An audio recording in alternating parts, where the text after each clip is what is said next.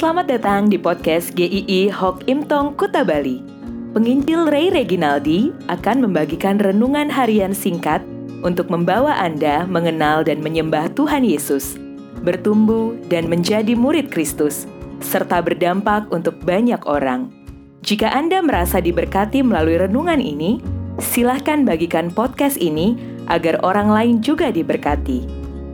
Inilah renungan hari ini.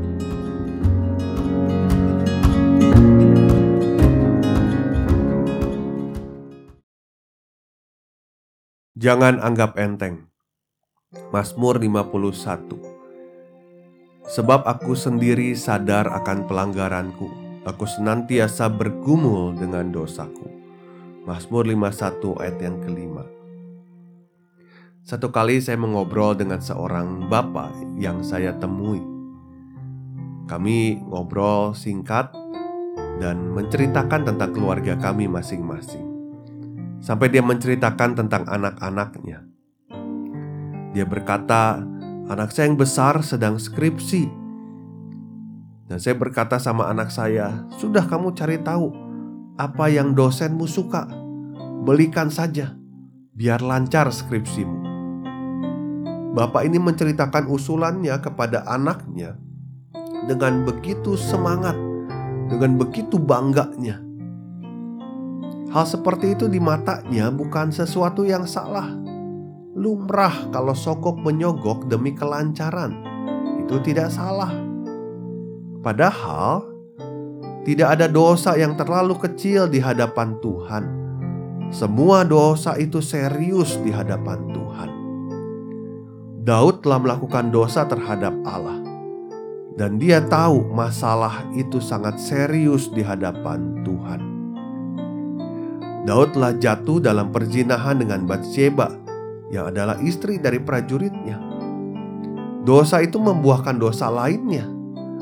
Dengan nafsu yang menggebu-gebu dia merancang pembunuhan kepada Uria istri dari suami dari Bathsheba.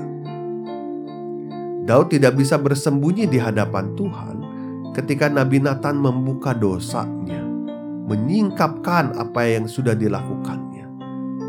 Daud tidak berkelit dan dia berkata, "Aku tidak berdosa, itu hakku."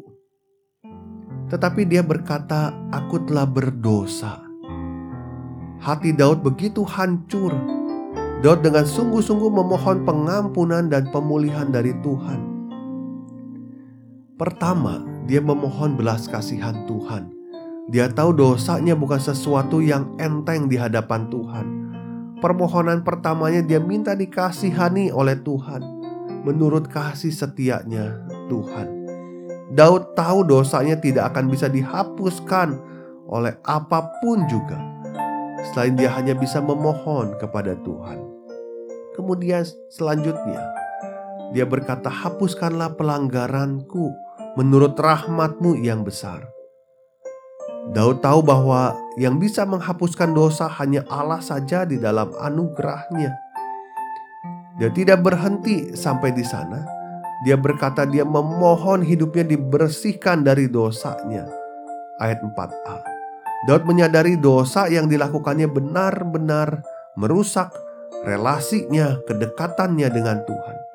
Dia tidak bisa merasa nyaman ketika belum menyelesaikan dosanya di hadapan Tuhan. Sayang sekali kalau banyak orang yang berkata dirinya Kristen, tetapi masih begitu nyaman dengan dosa-dosanya. Tidak merasa terganggu sekali dengan dosa-dosanya. Maka harus melihat kembali, apakah saya betul sudah memiliki relasi dengan Tuhan atau tidak. Karena dosa itu serius di hadapan Tuhan. Dosa itu melanggar, mencoreng kekudusan Tuhan hukuman dosa itu pun serius. Maka seluruh manusia harusnya dihukum.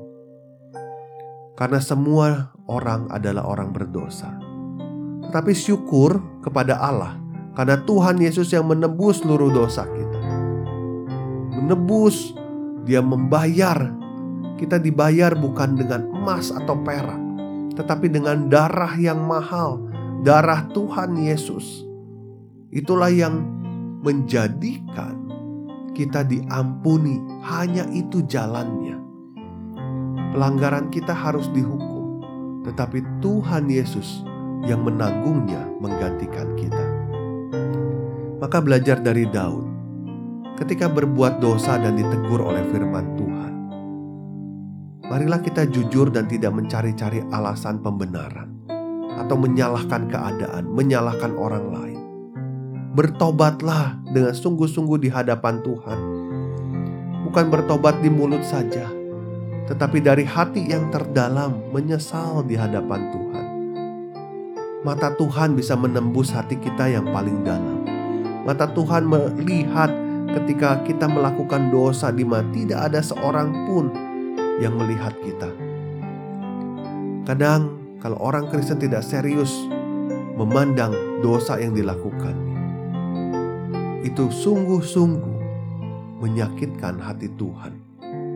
Kita mungkin bisa dengan rapi sekali menyembunyikan dosa di hadapan orang lain, tetapi kita tidak pernah bisa menghindar dari hadapan Tuhan. Dosa kita di hadapan Tuhan itu menyakiti hatinya yang begitu mengasihi kita. Maka marilah kita melihat diri kita, mengkoreksi kembali, jujur di hadapannya, akui setiap pelanggaran kita, bertobat, berubahlah dari tingkah laku yang lama. Kalau ada yang masih menyimpan dosa-dosa atau bahkan melakukannya sudah bertahun-tahun, terjebak dengan pikiran-pikiran kotor, sering bohong, atau sering mementingkan hanya kepentingan diri begitu egois. Mari kita kembali kepada Tuhan. Katakan Tuhan ampuni saya. Saya mau kembali pada Tuhan. Kiranya Tuhan menolong setiap kita. Amin.